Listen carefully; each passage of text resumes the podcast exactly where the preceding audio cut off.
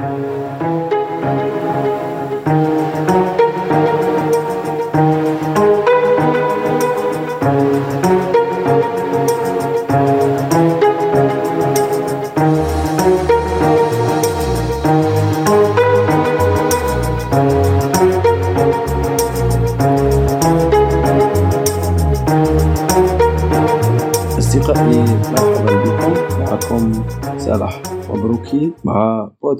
سي بيكسل Mister Pixel هذا البودكاست خصصته لأساسيات الصورة كل ما يتعلق بالصورة الرقمية والصورة التناظرية.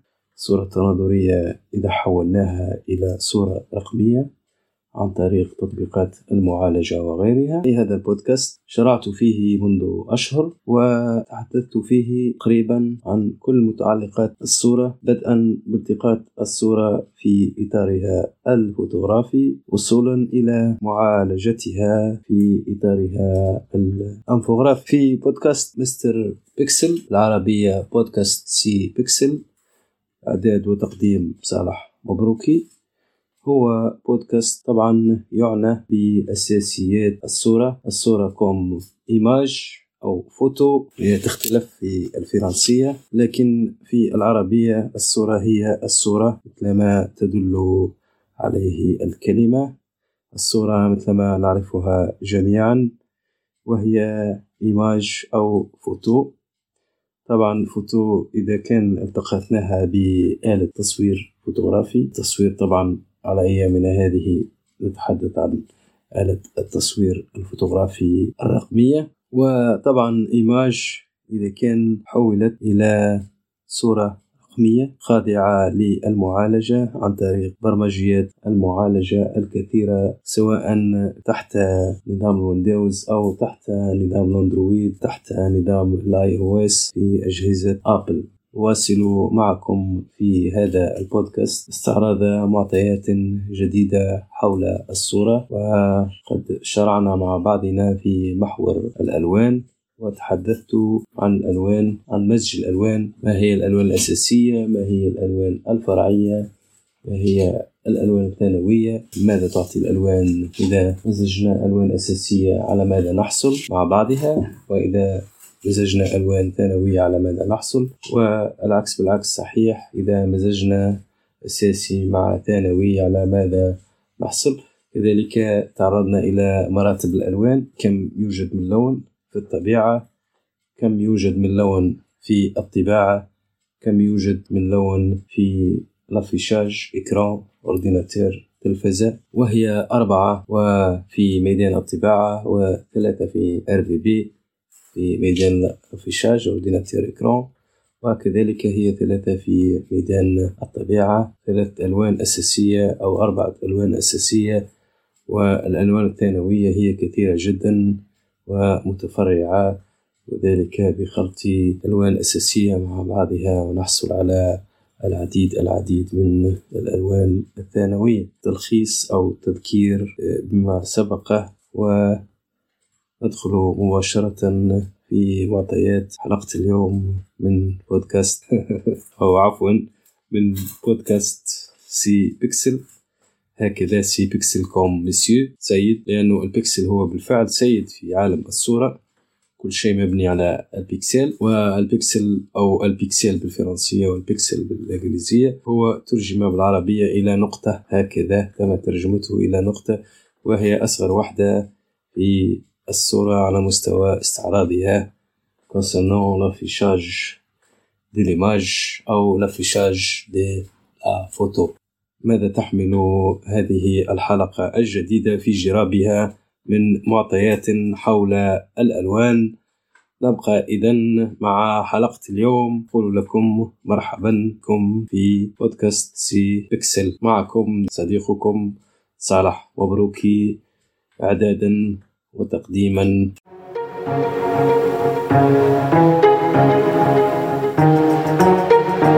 الألوان وما أدراك ما الألوان كل شيء مبني على الألوان يبنى كل شيء في عالم الصورة. بمعنى أنه حتى نتحدث عن الصورة حتى نتطرق إلى تقنيات الصورة حتى نفهم الصورة مفهوما وممارسة لا بد il faut passer par les couleurs.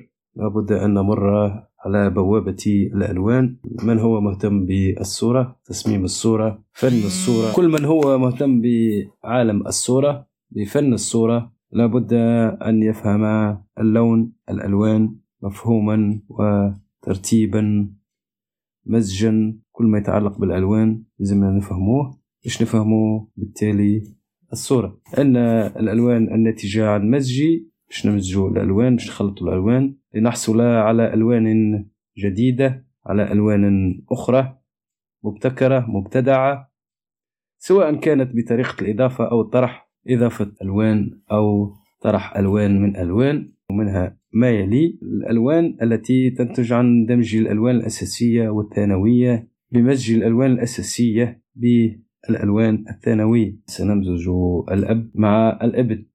لنحصل على لون جديد. الألوان الأساسية هي كل لون أساسي هو أب وله ابن منه يسمى لون ثانوي. توجد طبعا في الطبيعة ثلاثة ألوان رئيسية وهي الأحمر والأصفر والأزرق. هذه هي الألوان الرئيسية.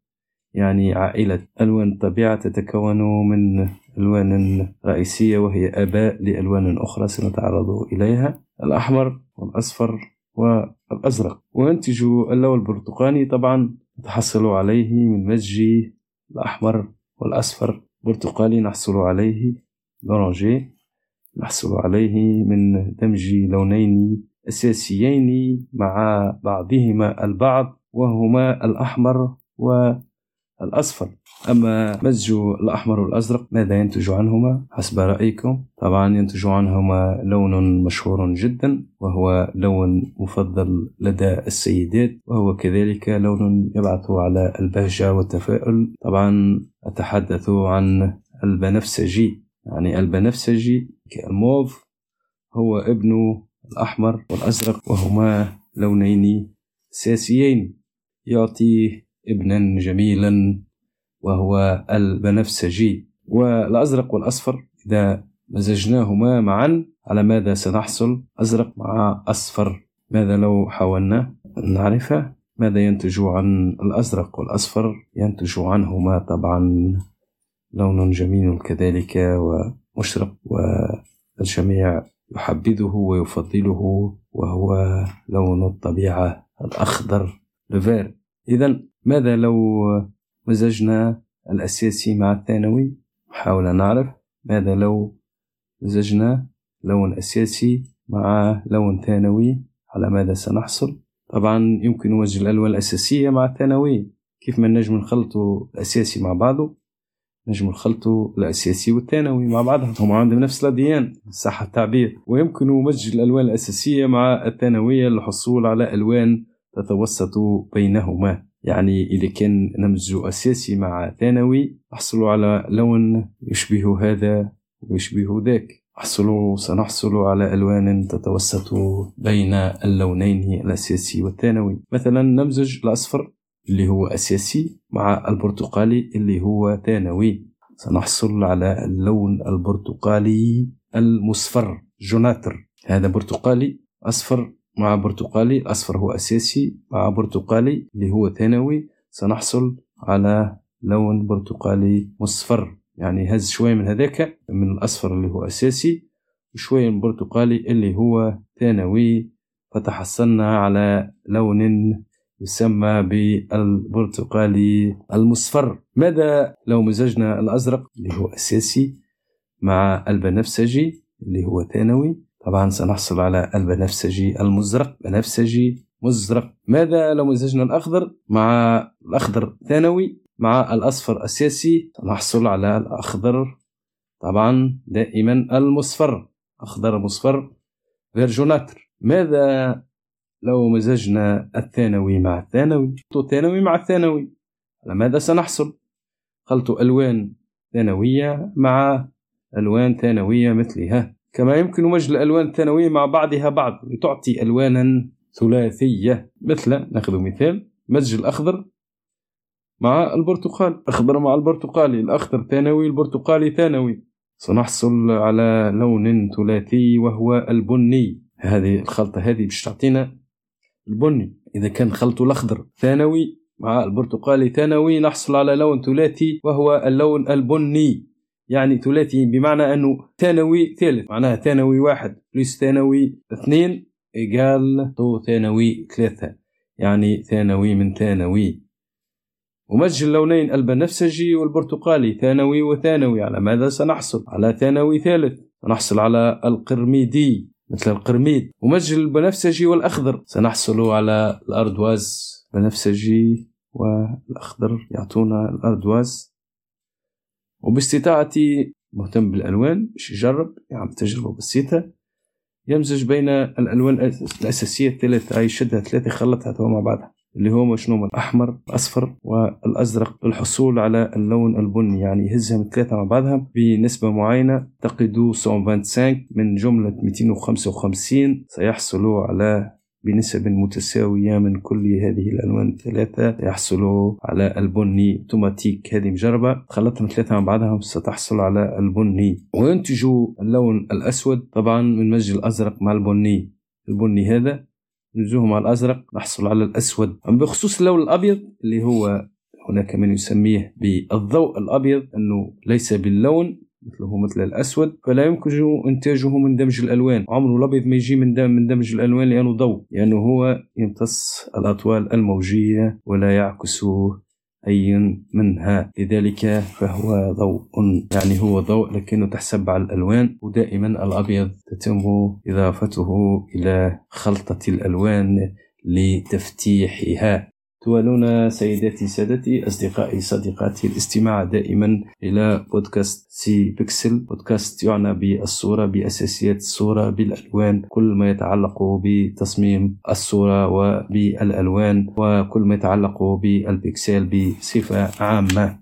آه، ما هي عملية الدمج؟ خلطة حتى نحصل على ألوان أفتح أو أغمق. ما هي بالضبط الخلطة. ما هي هذه الخلطة؟ يتم في هذه الطريقة دمج الألوان مع اللون الأبيض لتفتيحها. يعني الألوان نخلطوها مع بعضها وبعدين نضيف لها القليل أو الكثير من الأبيض لتفتيحها مثل دمج الأحمر مع الأبيض. أو الأحمر السياسي نزيدوه الأبيض اللي كيف ما قلنا هو ليس باللون اللي هو يعتبر ضوء لكنه حسب على الألوان. الأحمر هذا نزيدوه الأبيض لنحصل على الوردي لأنه يقوم بتفتيح اللون المضاف إليه. والعكس ماذا إذا أضفنا دمجنا زدنا اللون الأسود للألوان الأخرى في خلطها؟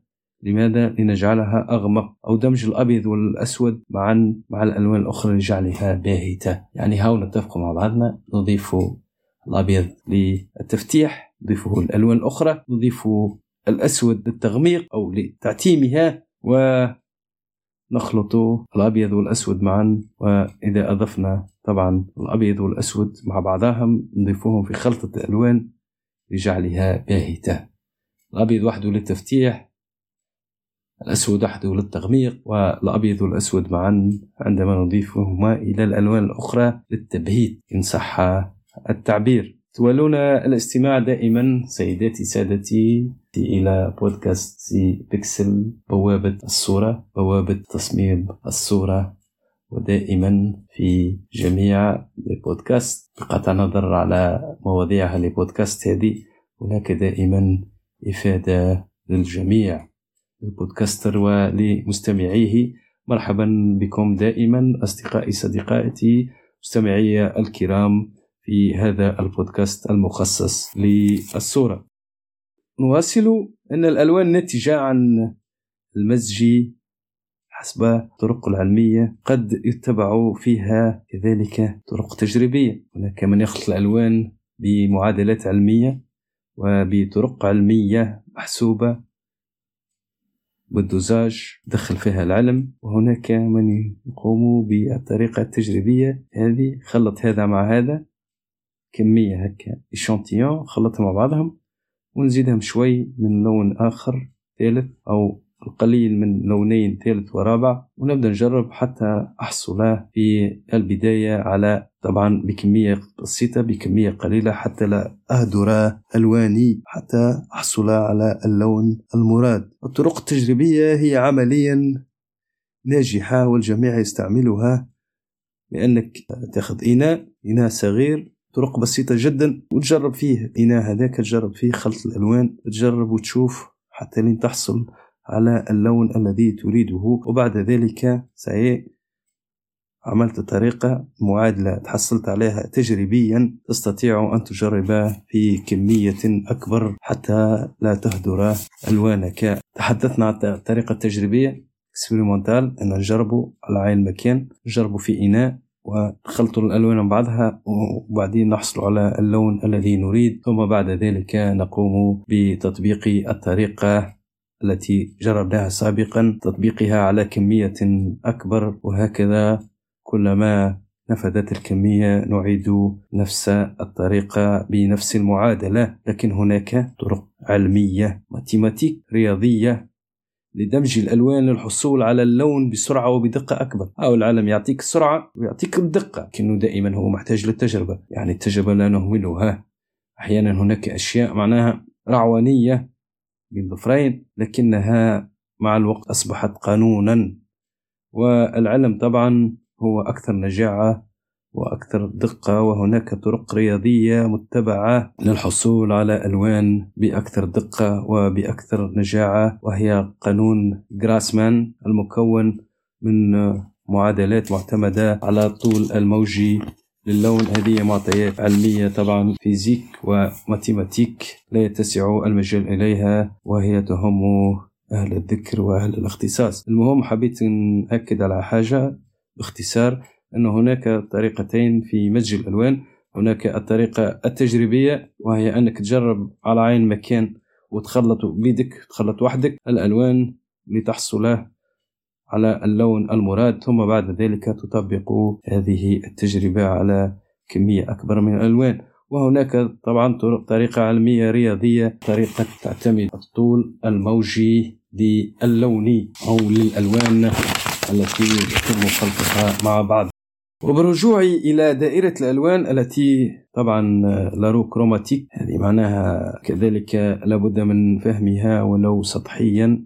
نتعرف على الألوان الأساسية والثانوية والتدرجات التي بينهما في هذه العجلة التي رسمها طبعا نيوتن عند دراسته للضوء وألوانها المكونة لها طبعا آه، ضوء lumière et couleur هما مع بعضهم ils font un مش نحكوا على الضوء من غير ما نحكوا على اللون ولا نستطيع أن نتحدث عن الألوان دون أن نتحدث عن الأضواء. لذلك فاللون الأبيض والأسود هما أساسيين في عجلة الألوان في la roue chromatique يمكن معرفة الألوان المناسبة لتندمج معا للحصول على اللون المطلوب يعني فيها العج عالجة الألوان هذه اللي عملها ابتكرها نيوتن. تستطيع أن تدمج الألوان المناسبة مع بعضها لتندمج وتعطي ألوانا جميلة ومتناسبة. فدمج لونين متقابلين على عجلة الألوان الثلاثية ثلاثية الأقسام ينتج عنه لون ثانوي. فهو مرسوم وموجود في عجلة الألوان التي رسمها نيوتن. مثلا عندما ندمج اللونين الأحمر مع الأصفر وهما طبعا لونان متقابلان على عجلة الألوان. الأحمر والأصفر هما متقابلان. ينتج عنهما اللون البرتقالي وهو ابنهما. طبعا هو لون ثانوي. نتج عن دمج لونين أساسيين عندما متقابلين في عجلة نيوتن دونك هما لونين أساسيين في عجلة ألوان نجم عنهما اللون البرتقالي. وإذا نحن دمجنا لونا أساسيا مع لون ثانوي ينتج عنهما لون يسمى ما بعد الثانوي. يعني أساسي plus ثانوي يسمى ما بعد الثانوي. كدمج الأصفر الأساسي والبرتقالي الثانوي. ينتج عنهما البرتقالي المصفر يعني أساسي مع ثانوي يعطي ثانوي جديد ويسمى techniquement يسمى بما بعد الثانوي لأنه هو نتج عن تزاوج أساسي مع ثانوي. هذه الحلقة الجديدة من بودكاست سي بيكسل. أعدها وقدمها صالح مبروكي في إطار دروس تصميم الصورة. نأتي إلى نهاية هذه الحلقة من بودكاست سي بيكسل. تعرفنا فيها عن دمج الألوان أساسي مع أساسي على ماذا سنحصل وأساسي مع ثانوي على ماذا سنحصل وثانوي مع ثانوي على ماذا سنحصل. سأواصل معكم سيداتي سادتي أصدقائي مستمعي الكرام سأواصل معكم هذه الحلقة في مناسبة قادمة بحول الله وسأواصل معكم شرح كيفية دمج الألوان مع بعضها بقطع النظر عن ترتيبها إن كانت أساسية أو ثانوية. ومن هنا إلى ذلك الوقت أصدقائي أرجو لكم أوقات سعيدة أقول لكم سيداتي سادتي في نهاية هذه الحصة. إلى اللقاء. ودمتم في رعاية الله. كنتم مع بودكاست سي بيكسل. إعداد وتقديم صالح مبروكي إلى اللقاء.